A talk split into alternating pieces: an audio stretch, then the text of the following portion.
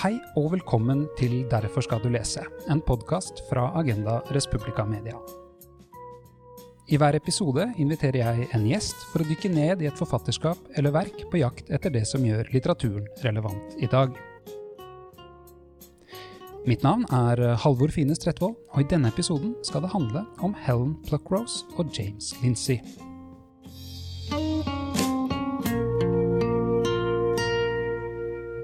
Det er fint å ha deg med i Derfor skal du lese, Danby Choi. Velkommen hit. Tusen takk. Var navnet sånn riktig uttalt? Helt riktig. Supert. Det finnes uh, veldig mange varianter etter hvert, men uh, Danby Choi. Danby Choi. Um, du, hva er det verste med pandemien, sett fra ditt ståsted?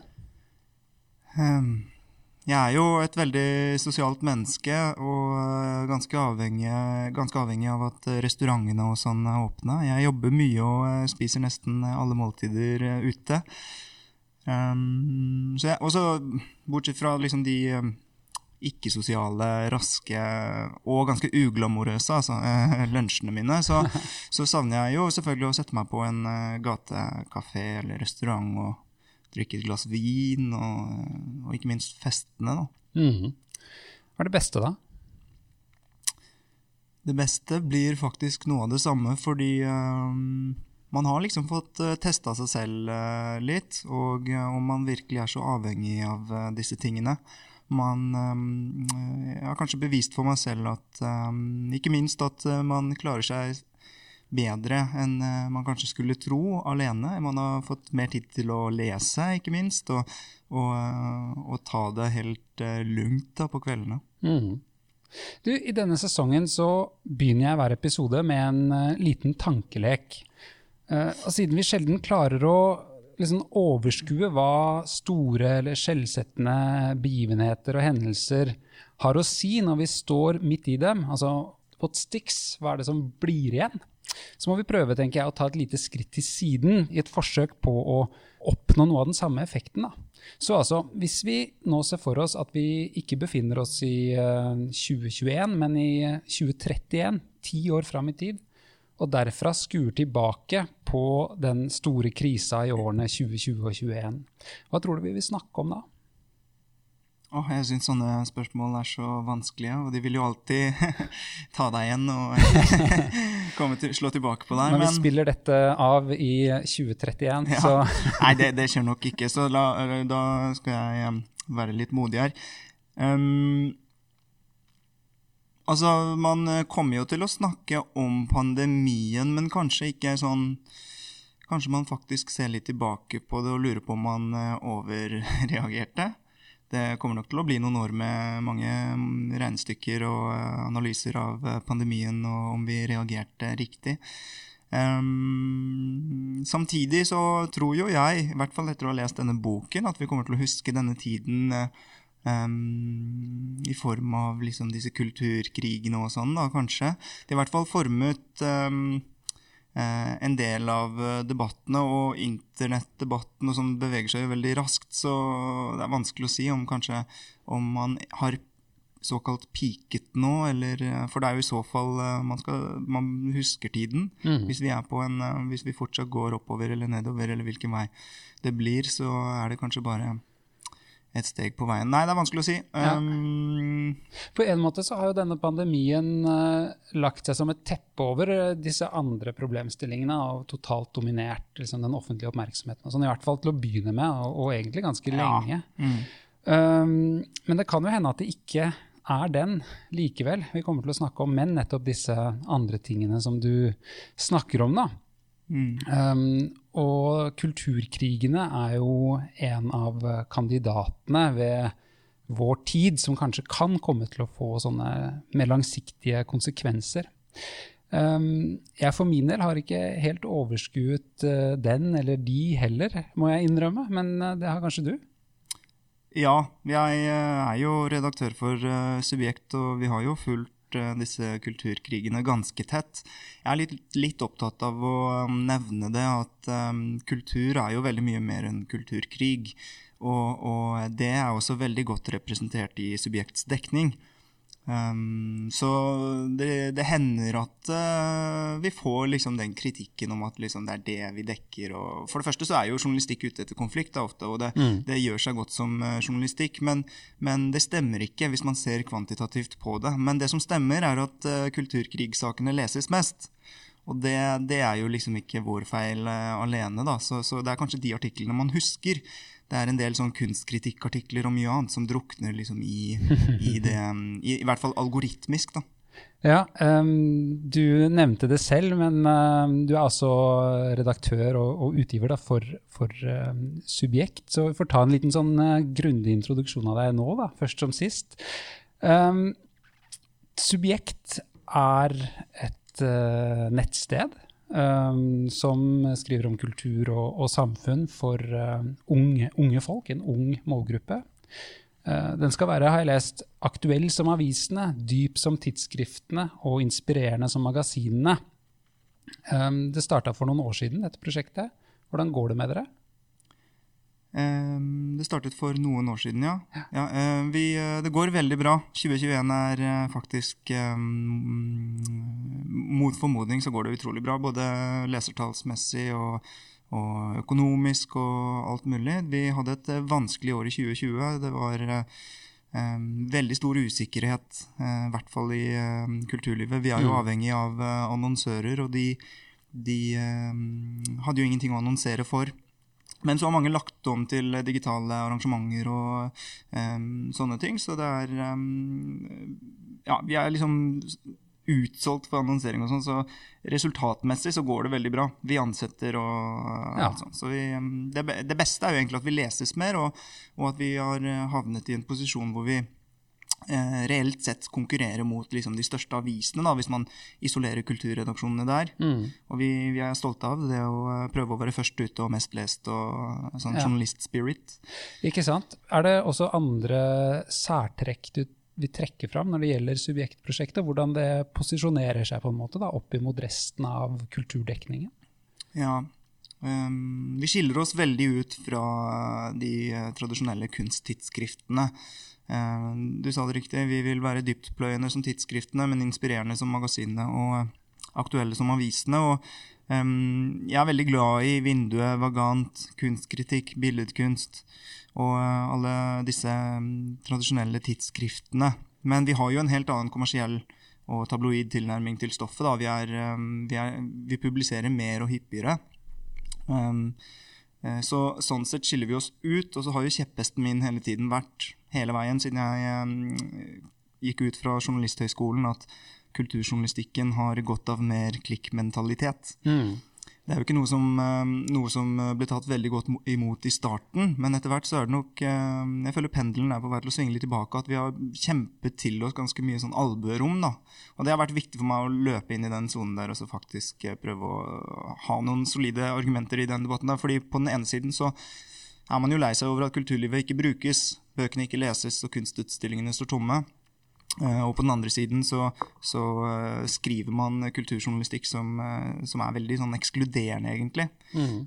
og jeg mener jo journalistikken er kunsten å formidle noe enkelt og forståelig, så, så, man hopper liksom over den vanskeligste delen av den journalistiske oppgaven når man faktisk ikke evner å formidle det enkelt og forståelig. Da. Men, men eh, ja, det har liksom vært kjeppesten hele tiden, så sånn sett skiller vi oss veldig ut fra tidsskriftene. Um, som, som, liksom er herlig lesning, eh, de også. Men um, Og så, så, har vi jo et sånt sentrum Altså, vi har et liberalt ståsted. Har, altså, jeg er liberal i hjertet, og, eh, og, vi har et liberalt prosjekt. Subjekt er en uh, liberal avis. og det skiller oss også veldig fra altså I det hele tatt så er jo kulturlivet veldig venstrelent. Um, og, og det, det, er et godt journalistisk utgangspunkt også, fordi kritiske spørsmål kommer fra sant, den andre siden. Og, um, det er det man liksom har avveid som dumme spørsmål ofte. Men, men nå krever vi på en måte svar, da. Jeg tror vi kommer til å komme grundig inn på dette med liberalisme i løpet av, av, praten vår i dag. Men før vi eh, kommer videre til boka som vi skal snakke om, så uh, tenkte jeg bare at jeg i forlengelsen av det du sa, må spørre om, om da hva du syns om denne motstanden mot nettopp klikk tenkning som gjerne stammer fra både kulturjournalister og, og kulturlivet for øvrig. da. Um, som føler at det er en nivellering, ikke sant? og at det blir fordummende og skal man si, ødelegger for, for den kulturelle samtalen. Ja. ja. jeg kommer aldri til å glemme hva journalisthøyskoleprofessoren min sa til meg da jeg leverte en uh, anmeldelse som uh, besto av litt vel mange litterære referanser og sånn. Tror du at du er en poet, sa hun. og, og er, hun har et poeng. Altså, jeg, kunne, jeg, burde søkt meg inn på en annen linje i så fall. Vi journalister vi skal jage leserne, og det er en, de, en veldig viktig del av oppgaven vår. Og, og, jeg er langt på vei enig i at kulturjournalistikken kan leses på en annen måte. Knut Olav Åmås sa i sine teser for en kulturjournalistikk at kulturjournalistikken er en tone og en egen måte å skrive på osv. Og, og det har noe for seg. Men det har jo rappmusikken òg. Hvis man ser på skriftens flow og liksom disse tingene, og hvis man tenker at kulturjournalistikken skal være det, så tenker jeg jo at man kan være poet. Men, men, eh, men eh, og, og kulturjournalistikken har jo på en måte veldig mange lag. Den skal jo være dyptpløyende, og den kan jo grave i dype filosofiske spørsmål. Men denne boken her, som jeg hele tiden vil inn på, merker jeg, den, den, går jo inn på veldig dype, vanskelige spørsmål, men med et ganske enkelt språk. Ja. Så det er det det handler om. Det handler om å evne å formidle det, og språket er jo til slutt bare et verktøy. Vi får uh, kaste oss over boka, da, altså, eller flette inn mer av um, subjektsprosjekt underveis, kanskje. Um, ja. Det heter jo i reklamen for, for denne podkasten at bøker er til å tenke med og mot. Um, og jeg må innrømme at for min egen del så trengte jeg akkurat en sånn dobbel tilnærming i, i møte med denne boka. Mm. Uh, men du valgte den uh, da vi diskuterte hvilken bok vi skulle lese og, og, og, snakke om. Kan du ikke begynne med å si hvorfor du gjerne ville lese og, og diskutere akkurat denne, som altså heter 'Cynical Theories', og har en lang, um, ganske avslørende undertittel. How Activist Scholarship Made Everything About Race, Gender and Identity, and Why This Harms Everybody.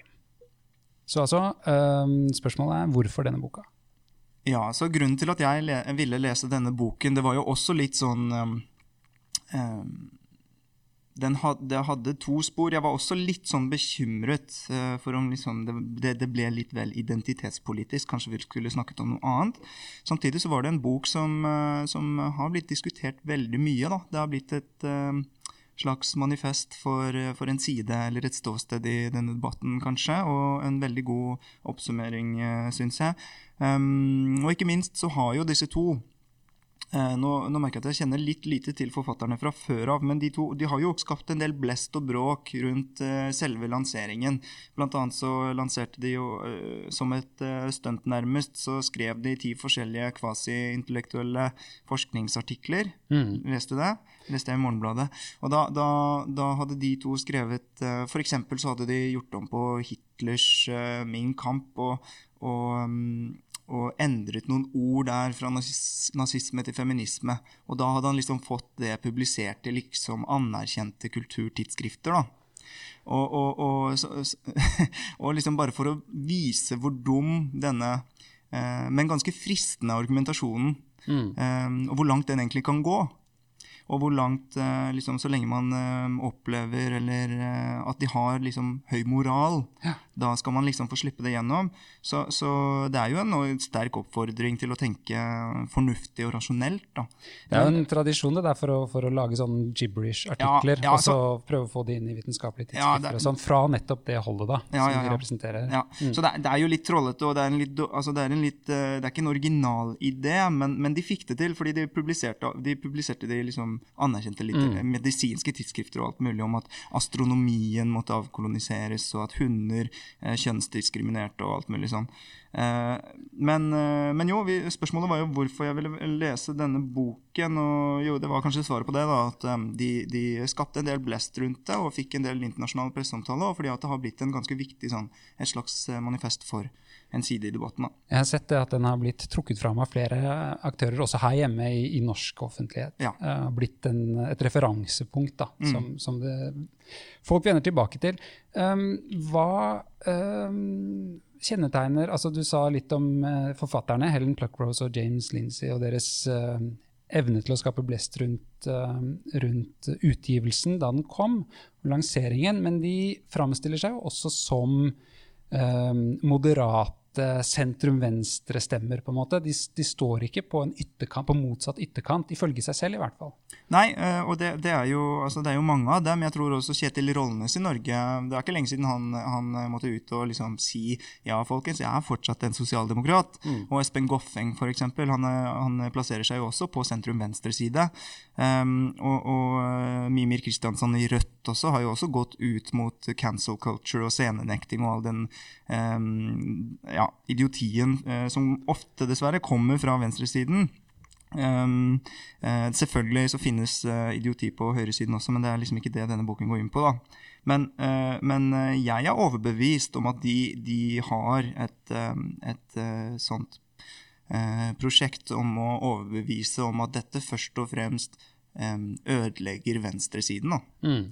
Og, og, jeg syns norske politikere har vært ganske gode på å holde seg unna eh, på venstresiden, og de burde nok det, holde seg unna den kulturkrigen, og ikke som eh, enkelte av dem liksom foreslo benker fjernet for å være rasistiske og eh, sånne ting. Da, at man skal at, uh, ja, at, man, at venstresideprosjektet er noe mer enn bare å rive statuer vi ikke liker og, og, sånne ting, og å erstatte historien med, med safe spaces og sånn, det tror jeg er viktig. Så det, det er jo en uh, utakknemlig jobb de egentlig gjør. Og så er det nok fristende for dem å søke tilflukt hos høyresiden, fordi at de, de nå vil anses som streikebrytere av venstresidefellesskapet.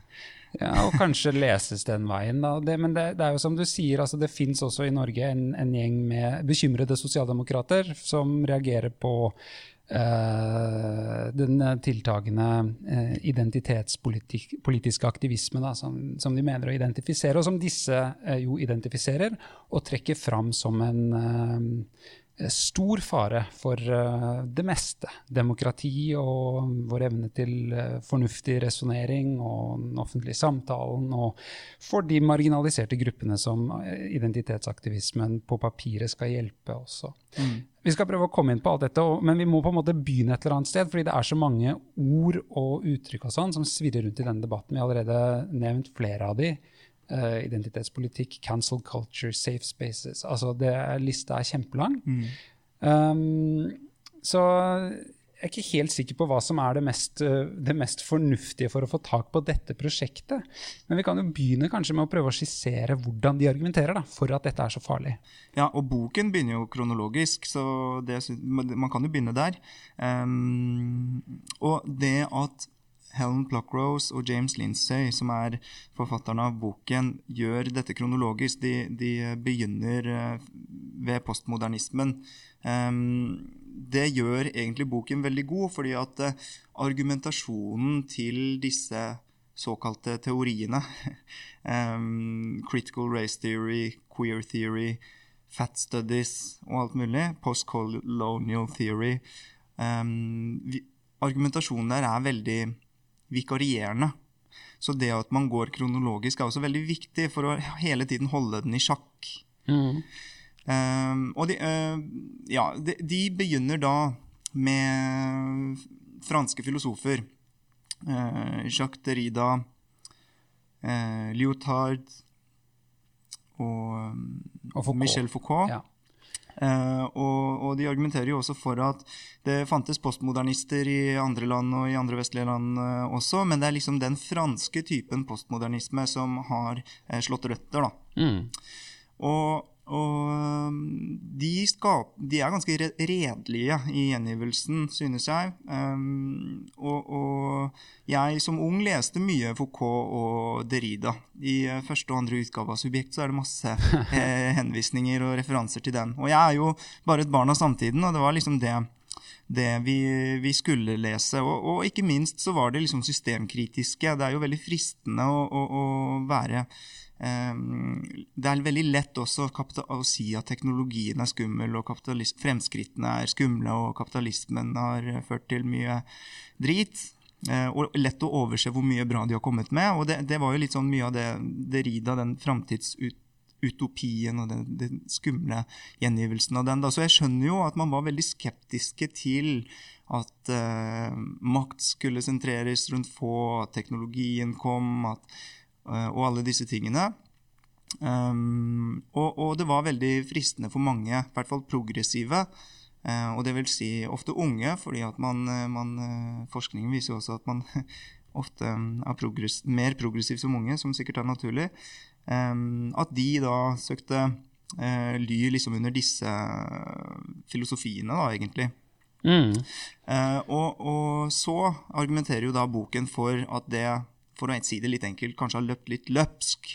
At det har blitt dratt litt langt. Jeg syns du er snill med boken når de sier at, de, eh, at det er litt langt de syns det har gått. Ja, ja, ja, eh, mm. de, de, mener jo at det har gått over alle støvleskaft, sånn som jeg leser det i hvert fall. Eh, men de, de, konstruerer på en måte en historie her hvor det er tre steg. Hvor det er noe som de kaller postmodernisme, som de knytter til disse tre teoretikerne, blant annet. Det er noen flere også, men, men blant annet de. La meg legge til at jeg, vil, eh, at jeg vil mene det er mulig å diskutere hvor eh, gode, gode lesninger de har da, av disse teoretikerne. Men for å sette en parentes rundt, ja, jeg, La oss sette en parentes rundt det, for ikke å fordype oss i, eh, i, i akkurat den biten av det. Um, så, så, er det neste steget da at uh, denne postmodernismen um, Et uh, ganske liksom, i utgangspunktet vagt begrep, men de definerer det uh, for sin bruk da, med to grunnleggende kjennetegn og, og, noen tematikker som de mener går igjen. Men i alle fall, denne postmodernismen blir applisert på mer konkrete områder. Postkolonialisme, kritisk raseteori, queer-teori osv. Det skjer på rundt 90-tallet. Ja. Mm. Riktig. Altså det, og, og, sånn jeg forstår det, så er det også sånn at det ligger en slags kronologi i rekkefølgen de har lagt disse forskjellige temaområdene på. da. Så at postkolonialisme kommer kanskje blant de, som er blant de første eh, eksemplene. Og så avslutter de da den gjennomgangen med, med um, funksjonshemmede og fat studies. Altså nye marginaliserte grupper som har kommet inn i dette landskapet da, eh, de seinere årene. Um, og så er det tredje steget, altså fra den appliserte postmodernismen til en um, reified postmodernism, kaller de det. Og, og, på norsk så kan vi kanskje oversette det med eh, virkeliggjort eller uh, realisert, da, eller noe sånt. Ja, og ikke minst uh, liksom um, sannhetsdefinerende. Ja. Fordi, og den appliserte, kalte du kanskje man skulle kalle det anvendte. Ja, det er nok et bedre norsk ord. Ja, og, og nå, nå, begynner vi på, fra scratch for tredje gang her, men, men de bruker også en metafor. Ja. Og det er at postmodernismen, de tenkerne, de tre franske, de, de, kan eh, liksom eh, man se på som rødt Hvis man ser for seg et tre, da, at det er røttene til denne bevegelsen. Og så er den anvendte eh, applied postmodernismen som, som ønsker å eh, bringe disse filosofiene og måten å tenke på eh, i samfunnet gjennom teorier. Mm. Disse er da liksom trestammen. Uh, og, og, og kvistene Uh, og, så, uh, eller, og så kommer teoriene da, som kvistene. Og så er det da, mener de nå, uh, på 2010-tallet, at man har kommet til denne reifyingen, da, virkeliggjøringen, og, og definere dette som sannheter, og vedta dem som sannheter. Det er på en måte blomstene som blomstrer, og, eller bladene, da. Og da begynner man jo å lure på, eller bekymre seg litt over om denne boken kom litt for sent. I hvert fall, hvert fall når de Fordi at eh, det, altså det, er jo som de skriver eh, Jeg syns de også er ganske eh, moderate med eksemplene de nevner, fordi det finnes så sinnssykt mange eksempler på det, ikke bare i USA, men også i Norge, på at, den, at bladene blomstrer liksom på kunstinstitusjonene, på universitetene, og, og, at dette brer rundt seg som, som vedtatte sannheter. Da. Og, det, og det er jo man, man, blir litt sånn stresset. Man blir litt sånn OK, jeg skulle ønske at jeg ikke visste det, for, liksom, sånn som filosofer har sagt i alle år. Fordi man handler i en sånn um, krig med seg selv når man liksom skal gjøre noe med dette. Skal man gå til krig mot majoriteten og prøve å endre meningene til liksom paradigme? Mm. Um, og det er jo en veldig slitsom uh, jobb. og, og um, så ja, jeg synes i hvert fall at de, Det jeg syns er veldig bra med denne boken, er at de, de um, de eh, er veldig overbevisende om at, om at, vi er der, da. Eh, fordi at eh, ofte så kommer jo argumentene fra de som vil forsvare dette, at liksom nei, du, du bruker bare stråmenn. Men det argumentet, altså stråmannsargumentet faller jo på sin egen urimelighet når man leser en bok som denne og ser alle eksemplene på det, men også hvordan det har foregått. da. Ja.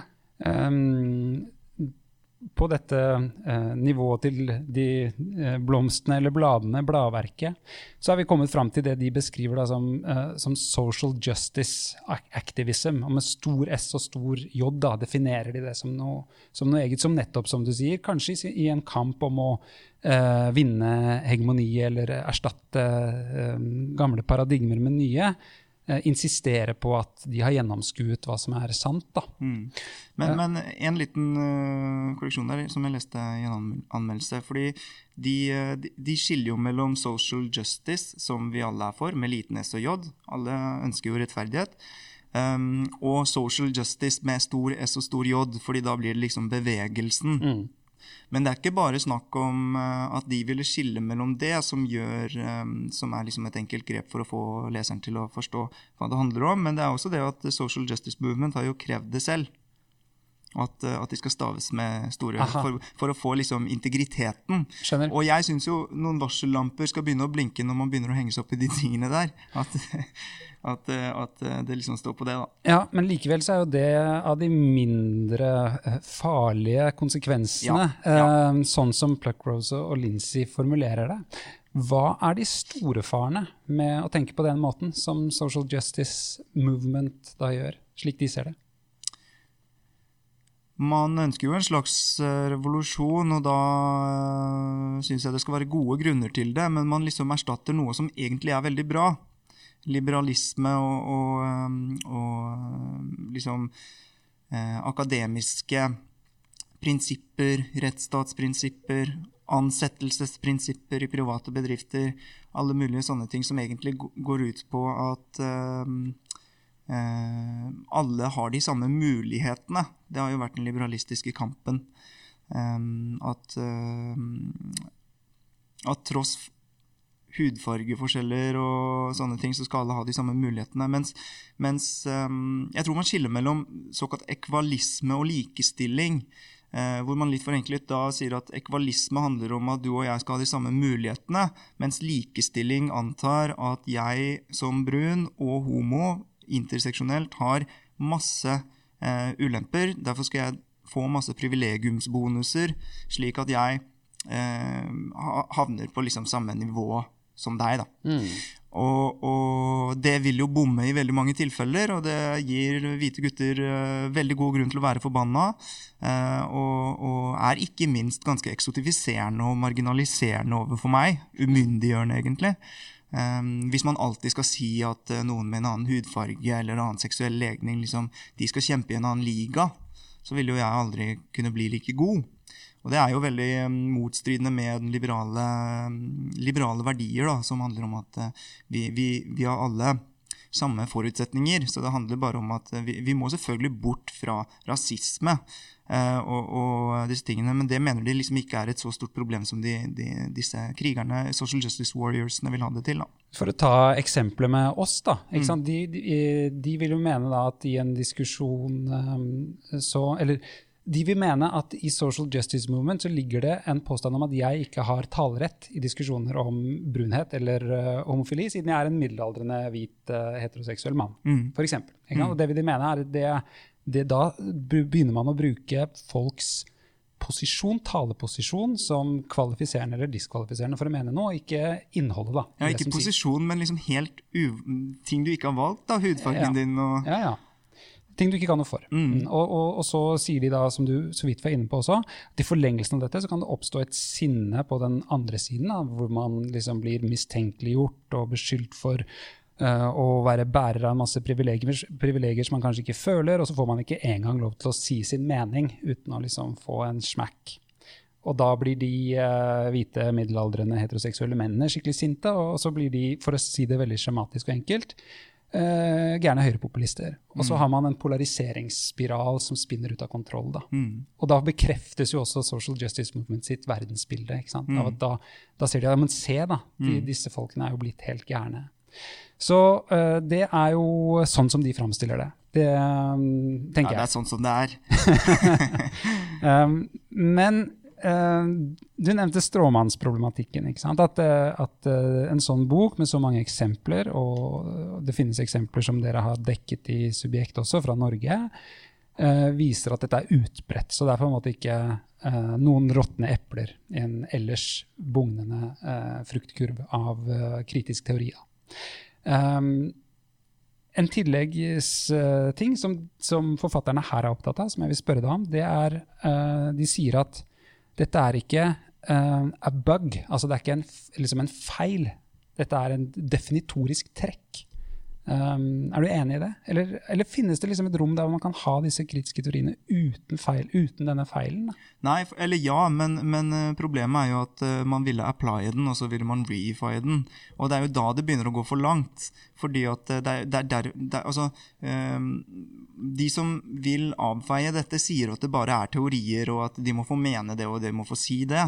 Ja, men det blir en kulturkrig når spørsmålene stilles skal vi avkolonisere Kunsthøgskolen i Oslo, ja eller nei. Og så sier rektoren ja. Eh, og så eh, er det fem stemmer som prøver å Altså mot 236 studenter som har signert et opprop for å avkolonisere Kunsthøgskolen. Så er det en meningsminoritet på fem stemmer som er grunnen til at eh, det ikke skjer, og at rektoren må gå. Så, så, har jo de gjort en utakknemlig jobb og en begredelig jobb og en, litt av en innsats for, for, akademisk frihet og sånne ting. Og, og hvis de ikke hadde gjort det, så rektoren sa jo ja til studentenes krav.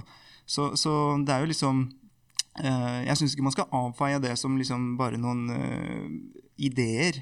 Fordi det, det, er jo no, nå, så er det ikke Nå vil man uh, anvende den, disse teoriene og ideene.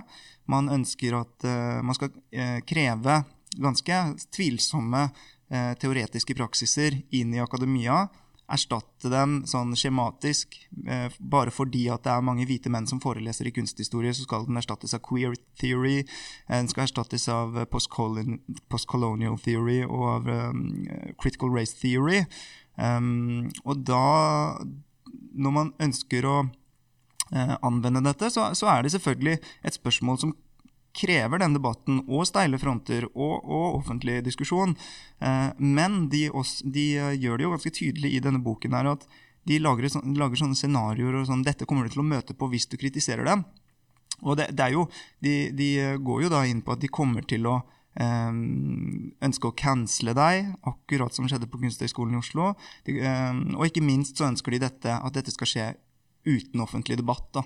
Mm. De, de, ønsker å arrangere lukkede seminarer, endre pensum. Men det, men det, er jo krigen jeg står i ofte. Jeg er jo en redaktør og, og en offentlighetsmann. Jeg prøver jo å få alt, all informasjon offentlig, og, da, og i hvert fall på en offentlig institusjon som skattebetalerne betaler for. Så, så, så prøver vi å få dette offentlig, og da merker vi ganske stor motstand fra de som vil avkolonisere f.eks. Kunsthøgskolen i Oslo, om at dette, dette, skal ikke skje offentlig, for da får vi polarisering. Og det er jo et besnærende, fristende argument. Men, men, vi må jo nesten ta den debatten offentlig, fordi man kan ikke bare avkolonisere og endre pensum på en offentlig skole uten debatt. Mm.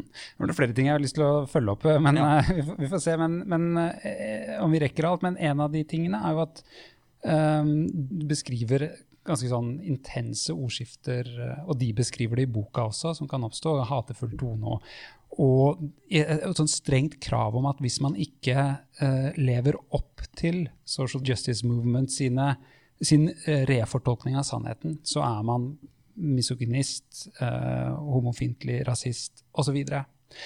Og, og skal canceles, da, eller skal, skal miste jobb og um, De går på arbeidsgiverne. Ja, mm. ikke sant?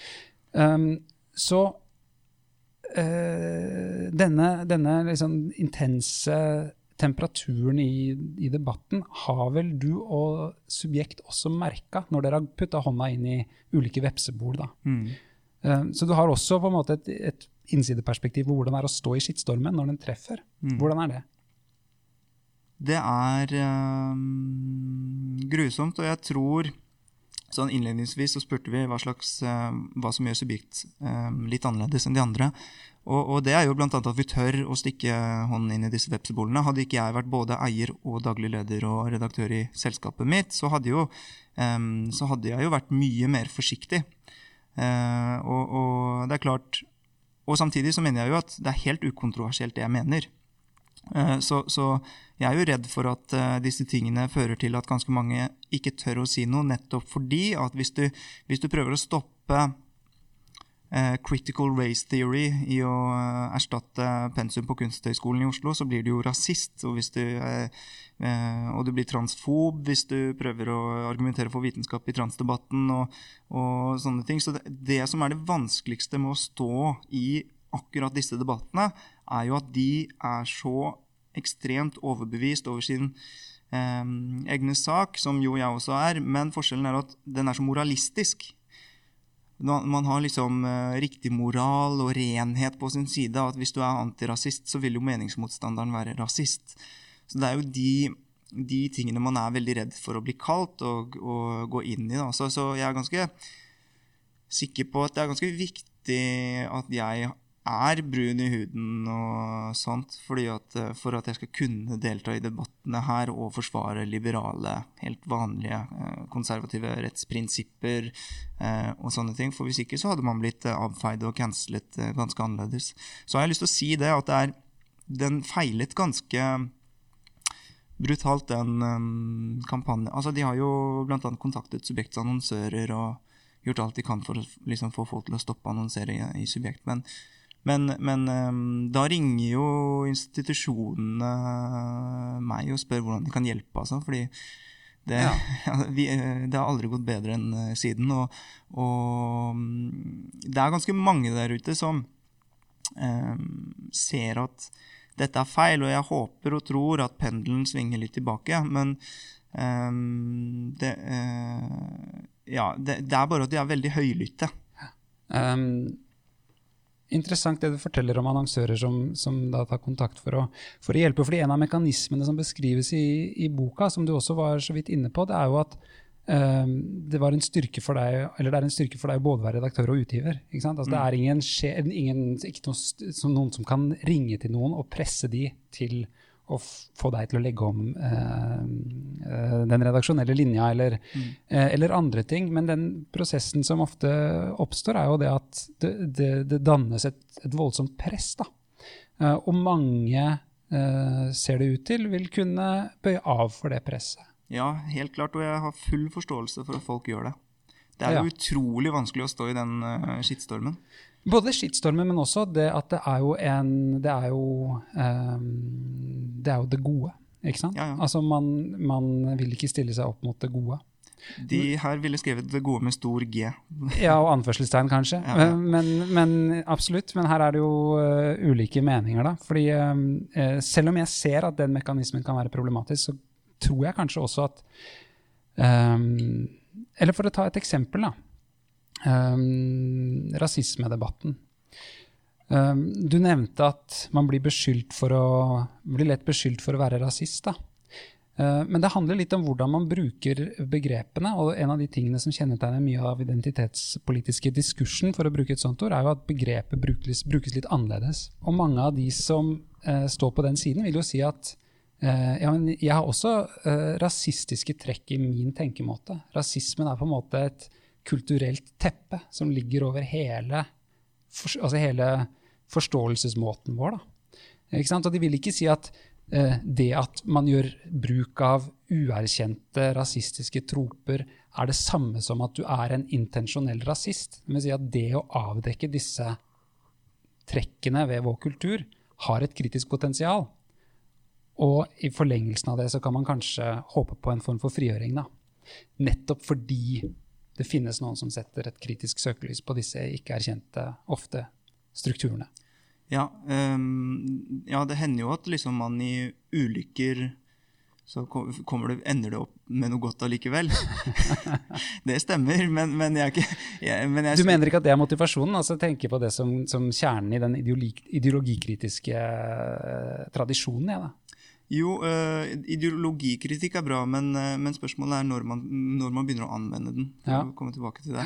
Fordi at øh, man, man, Det blir litt sånn å gå to skritt tilbake for å gå ett skritt frem igjen, opplever jeg det som da. Og det er jo sant at venstresiden Progressiviteten har jo bidratt med veldig mange reformer og restriksjoner og alt mulig sånt som har vært kjempegodt, som vi anser i dag som kjempeviktige for samfunnet. Men, uh, men, noen liberale verdier er liksom skjøre normer som, som, kanskje ikke er like lett å forsvare. For eksempel, for med ytringsfriheten uh, liksom, så, er det, uh, så, er det, veldig vanskelig å forsvare liksom, den hvite høyremannens rett til å spre nesten hatefulle ytringer. Um, opp, opp, mot liksom, de veldig fristende argumentene om at ja, det skremmer minoriteter bort fra å, å snakke. Ehm, men, men, jeg syns likevel ikke at vi skal gjøre den ytringsfrihets, ytringsfrihetssirkelen noe mindre av den grunn. Mm. Og det er liksom der konflikten står, da, hvor man øh, Rett og slett øh, um, I boka så stiller jo forfatterne opp da nettopp uh, liberalisme som alternativet til identitetspolitikk, for å bruke det ordet. Uh, og som mye, et mye bedre rammeverk da, for å videreføre kampen for uh, like rettigheter og, og, andre progressive saker. Um, jeg er helt overbevist. Ja, Fortell. Ja. Jeg mener jo at uh, liberalismen har et imageproblem. Man, man, tenker om liberalismen at det er liksom blind, naiv markedsliberalisme, først og fremst. og en mulighet for de rike å bli enda rikere og sånn. Det er liksom den politiske, det politiske imaget det har fått. Eh, og så er det jo forskjell på liberalister og liberalere. Jeg, en, eh, jeg vil jo identifisere meg som en liberaler. Mm. Eh, og liberalere er jo i sentrum, og det har de, har de nesten alltid vært. De er moderate. Og, på, og, i USA er de på venstresiden, og i Norge er de på høyresiden. eller liksom sentrum høyre og sentrum venstre, da. Uh, og det handler kanskje om at uh, man, den liberale kampen i USA handler litt om å, liksom, det frie mennesket mot de store liksom, kapitalistiske systemene. Og så her så er det litt mer mot de, de, akkurat nå kanskje moralistiske mobbene, politisk korrekte mobbene, versus det, det frie mennesket. Og liberalisme er jo noe man må diskutere hele tiden, fordi at det er et prinsipp som Altså det velkjente um, 'min frihet slutter da din begynner', osv. Eh, det er noe som hele tiden må diskuteres og kjempe for, kjempes for, og det er jo veldig slitsomt. Men um, liberalismen, hvorfor det er et bedre rammeverk enn uh, critical race theory, da, for eksempel, um, for antirasisme um, For å bruke et eksempel, så tror ikke jeg jo at ja, Det er kanskje et dårlig eksempel, men at det franske fotballaget ser ut som det gjør pga. critical race theory. Mm. Jeg mener at de, de, får spille på samme lag, er jo fordi at man ser utelukkende etter talent, og ikke fordi at man prøver å skille de to hudfargene fra hverandre. Og det er jo det jeg er kritisk til når det gjelder critical race theory, at man tenker at uh, svarte og hvite er forskjellige.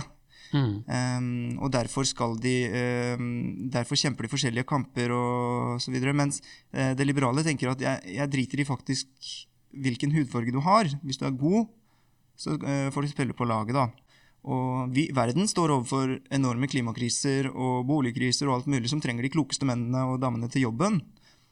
Og da, da må vi faktisk ha en sånn holdning til mennesker, da. Uh, og det har liberale, det liberale rammeverket. At liksom um, En rasist ville jo sagt de bruker et eksempel i boken, og jeg har også lest noen uh, bøker om liksom, krigføring i Asia, og hvordan, man egentlig, hvordan egentlig hvite kolonialister snakket om kolonister snakket om um, asiatere under krig, og de har høyere smerteterskel, og de tenker ikke så mye, og det er bare å drepe sivile osv. Så um, sånn snakket man jo før, og det er jo selvfølgelig noe vi må vekk ifra. En liberal måte å se på det på er jo at um, svarte og hvite har samme kapasitet og samme muligheter. Derfor må, er det viktigste å legge til rette for at alle kan oppnå sitt fulle potensial og sin drøm. En postkolonial eh, tenker, som, eh, tenker jo at eh, eh, asiaterne, eller de svarte, eh, har vært diskriminert så lenge at nå må de løftes frem og dyttes opp i posisjon. Og da havner vi i en situasjon der for det første de mest kvalifiserte ikke havner i jobbene eh, og ikke klarer å løse de store problemene som vi har i samfunnet. Um, og i tillegg at, man, at, det, at det, er liksom Det skaper veldig mange nye konflikter i samfunnet. Da, fordi at de hvite har med rett god grunn til å liksom, uh, bli forbanna når du blir sparka fra jobben for å, for å bli hudfargekvotert bort. Uh, I tillegg til at jeg mener det er umyndiggjørende overfor, overfor, de som faktisk kvoteres på plassen. Og det er jo en liten, jo en liten jo en, altså, jeg, jeg, blir ikke altså, indignert hvis jeg får en rolle uh, pga. min hudfarge, men, men, uh, men, det er jo liksom det, det maker jo ingen sens. Det er jo rasistisk per se. Skal, så jeg lurer på liksom Bekjemper man antirasisme ved å legge så mye fokus på hudfarge og liksom iboende kvaliteter som man liksom insisterer på at mennesker har, bare pga. sin hudfarge? Jeg tror ikke det. Jeg er overbevist om at eh, color blindness, som eh, critical race theory er veldig kritisk til, er løsningen. da. Rettssystemet i Norge, f.eks. Eh, ja, man kan si at liksom, ja, jeg er meddommer der selv, men det blir liksom konspiratorisk å si at dommeren og meddommerpanelet der sitter og tenker rasistisk, og de vet ikke selv, og derfor dømmer svarte. Vi har metoder og kjempe altså, Dommere er utdannet i dette i mange år for å, for å, ikke dømme folk basert på hudfarge. Og sånn, og så må man jobbe metodisk med at det ikke skal skje. Jeg har mye mer tro på den colorblindnessen som man liksom har um, innført i liberale demokratier, og at det, det, er den riktige metoden å gjøre det på. Og jeg, jeg eksempel eh, Robin DiAngelo, som har laget uh, den bestselgende uh, boken White Fragility. Den, den, den, den, det, altså det, hun er jo dronningen av projeksjoner. Hun, hun, mener at når man går inn i en butikk, og så er det en svart ansatt der, så er vi liksom redde, og vi, vi vil ikke handle, og vi, vi, vi, snur i døren, eller vi, tenker at uh, hvis hun tar på varen, så er de skitne. Det stemmer ikke. Jeg, jeg, tenker ikke sånn. Så jeg tenker at de som tenker sånn, um, faktisk vil gjøre mye bedre av å ikke liksom projisere disse tankene ut i samfunnet og konspirere om at alle tenker sånn. Da er det bedre å bare late som om man er fargeblind, og, og så tror jeg det vil gå over mye raskere. da. Mm. Um, jeg lurer på om du syns det er noen svake sider ved boka? Um, for å fremstå litt kritisk så skulle jeg ønske at jeg hadde det, men jeg har, men, men jeg har ikke det. Og det, den, den, boken er jo veldig deilig for en som meg, som, som egentlig har befunnet meg opp, midt oppi dette i flere år uten å liksom ha noe teoretisk belegg, eller egentlig ikke noe sånn stor forståelse for hvordan det har skjedd. Uh, så, så, det er utrolig digg for en som meg å få liksom alt sammen bekreftet teoretisk, nærmest, og, mm. og, se hvor alt dette kommer fra. Jeg fikk en veldig stor aha-opplevelse.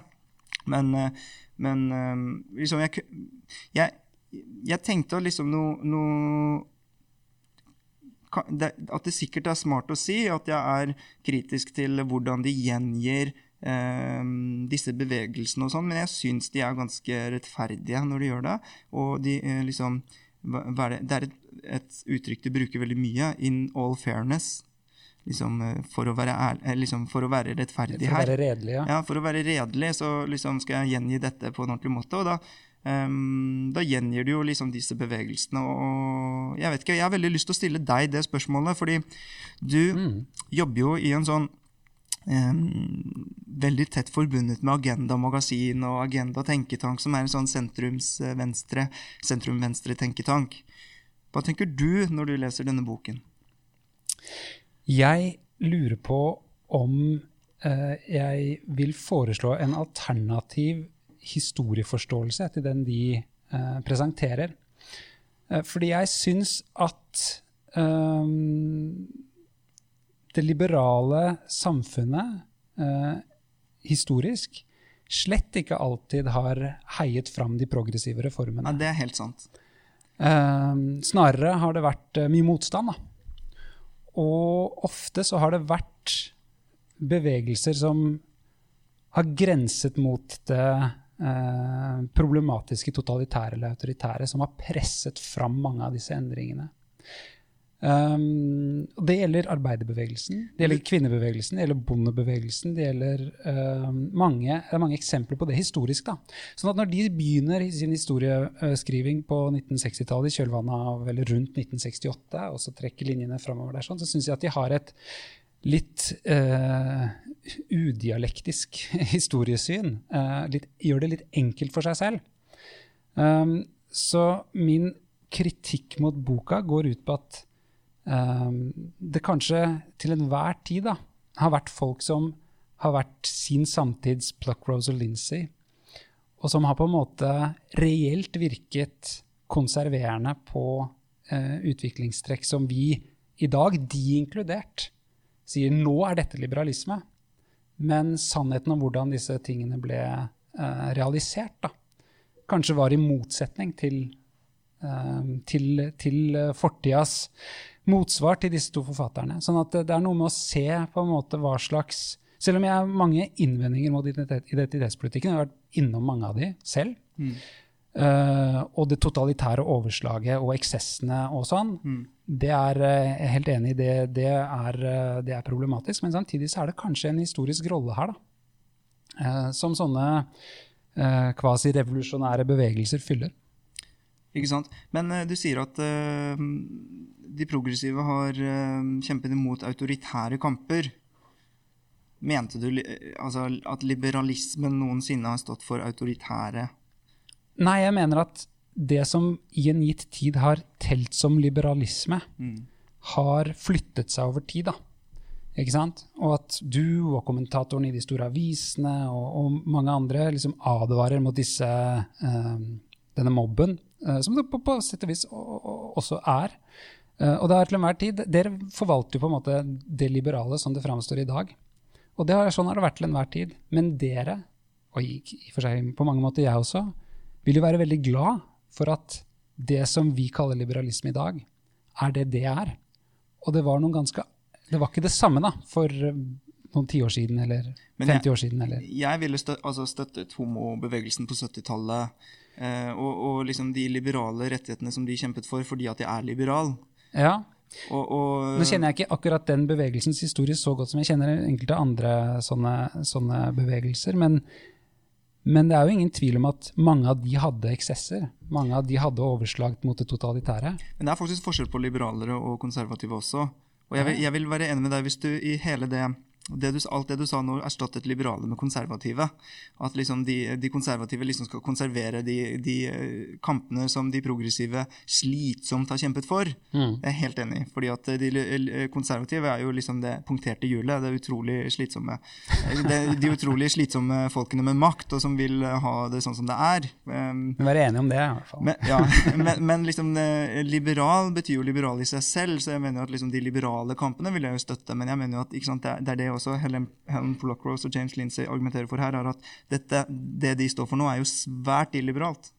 Ja, Uh, og det er det. Mm. Uh, og det er jeg enig i, og det er en kritikk jeg deler mm. av, av, mye av den identitetspolitiske bevegelsen som den har framstått uh, de siste årene. Så vil jeg reservere meg mot dette med det ideologikritiske som jeg prøvde å vise til i stad. Altså jeg ser et progressivt potensial i å avsløre ikke-erkjente kollektive bevissthetsstrukturer, da, for mm. å bruke litt sånn krøkte språk. uh, men du skjønner hva jeg mener? Ja, ja, ja jeg altså, skjønte veldig godt. Uh, det ser jeg et progressivt og, og, kritisk potensial i, som jeg håper at vi ikke kaster ut med badevannet. da. Mm. Uh, og som jeg opplever at faktisk er under, ja, det er en tenkemåte som faktisk er under press. Og delvis selvforskyldt fra disse bevegelsenes overslag, og delvis fra kritikere både på den ekstreme høyresiden og, og mer sånne uh, moderate røster som, som, disse forfatterne kanskje er. da.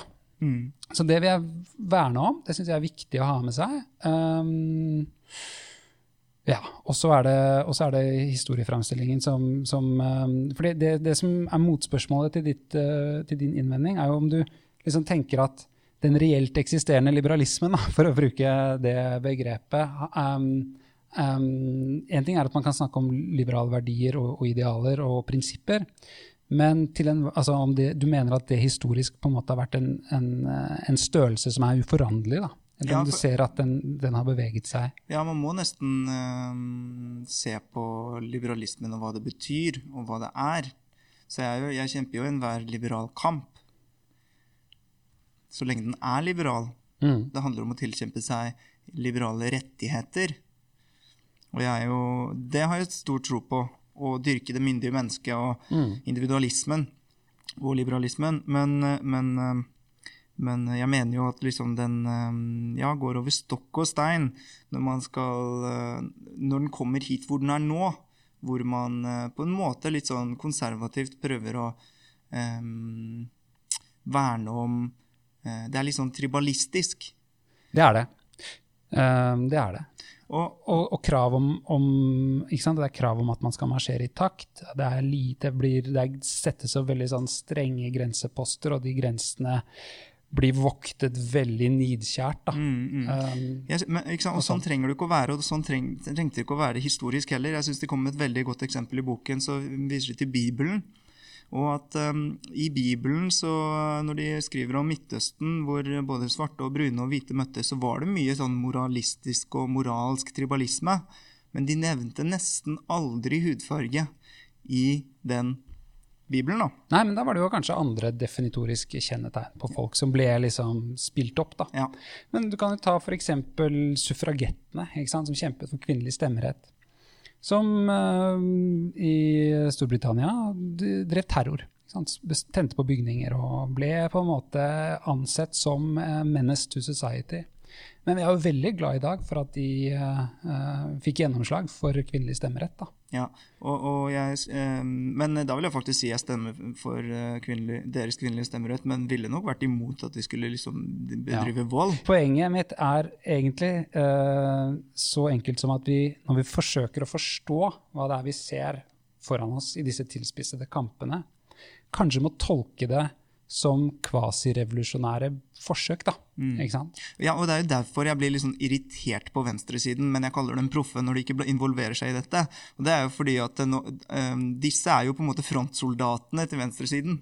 De, de, de baner masse vei for å få, få gjennomslag for gode sosialdemokratiske, progressive ideer og verdier. Men de, liksom, men de, men de gjør jo så utrolig mye hærverk på veien. da. det jo, eh, så det er jo litt sånn eh, irriterende, for jeg ønsker jo at, å, å ansvarliggjøre venstresiden for, å, for, å, for dette. Men, men jeg skjønner jo at ingen gidder å gjøre opprør mot sine egne frontsoldater. Nei, jeg tror mange av de ansvarlige på venstresiden opplever seg et uh, krysspress mellom uh, da på den ene siden de som advarer mot identitetspolitikken, og på den andre siden de som prøver å dytte den fram. Da. Og at de syns det eh, kanskje til og med er litt vanskelig å forholde seg til hele det feltet. Det er mitt, eh, mitt generelle inntrykk. Mm.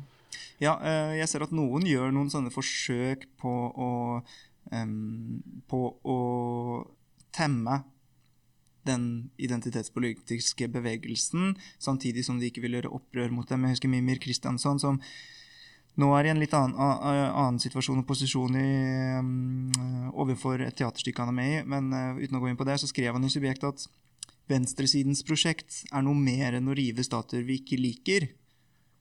Så kom liksom andre leddsetning. Men derfor har også identitetspolitikken skrinne kår her til lands. Det var liksom dualistisk. Han, han sa på den ene siden at um, eh, kjære venstreside, nå må vi passe på at uh, venstresideprosjektet ikke bare blir det å liksom rive statuer. Men, eh, men jeg støtter dem litt, og i hvert fall prøver å avfeie identitetspolitikk som en trussel, så jeg sier Ja. at den har skrinne kår her til lands. Ja. Jeg frykter at vi kunne fortsatt veldig, veldig lenge. Um, men det er jo én ting som, som eh, Siden du nevner mimer og den uh, radi mer radikale venstresida som han representerer, da, særlig økonomisk politikk, um, så er det jo også for arbeiderklassen arbeiderbevegelsen historisk, så var nok også identitetspolitikk mye viktigere eh, som eh, faktor enn det man kanskje anerkjenner i dag, eller tenker på i dag. Da. I marxistisk terminologi så heter det klassebevissthet. Men det handlet om å, å få folk til å erkjenne at de var arbeidere, og at de var utsatt for eh, ideologi fra et borgerlig samfunn som gjorde at de ikke kjempet etter sine materielle interesser. Mm. Så, så kritikerne av white fragility, som, um, som uh, står på venstresiden, mm, brukte jo slagordet 'place not race'. Ja. det, jeg syns det, det er bedre. Ja, og man kan jo si at det problematiske her er at du har flyttet det fra klasse, som er en annen type identifikator Ja, enn en rase. Da, for Ja, for der kan alle hudfarger få lov til å delta. Det går an å mene. Og dette kunne vi diskutert i uh, lang tid. Men vi må gå inn for landing, og i så fall må vi kvittere på det som jo er lovnaden i episodetittelen. Så altså Hvorfor skal vi lese 'Cynical Theories' av Helen Pluckrose og James Lindsay nå? Um, jeg vil begynne med spørsmål. Lurer du på hvorfor debattklimaet er som det er i dag? Og lurer du på hvorfor vi importerer alle disse amerikanske fremmedordene. Og lurer på hvorfor man vil endre pensum på skoler, kvotere inn kjønn på uh, viktige posisjoner osv., da bør du lese Cynical Theory av um, Helen Pluckrose og James Lindsay, nettopp fordi at den gir et veldig godt, synes nå jeg, historisk bakteppe med en redelig gjengivelse av hvordan, hvordan dette ble til. da. Du skal få siste ord i denne omgang. Tusen takk for at du tok turen hit til eh, Derfor skal du lese, Dan Bijoy. Tusen takk. Takk for invitasjonen. Takk også til dere som hørte på. Gi gjerne en tilbakemelding i Apples podkast-app, på Spotify eller hvor du nå enn lytter til podkast. Nå finnes det også en Facebook-side for podden, og der går det an å gi ris eller ros og komme med forslag til gjester eller bøker.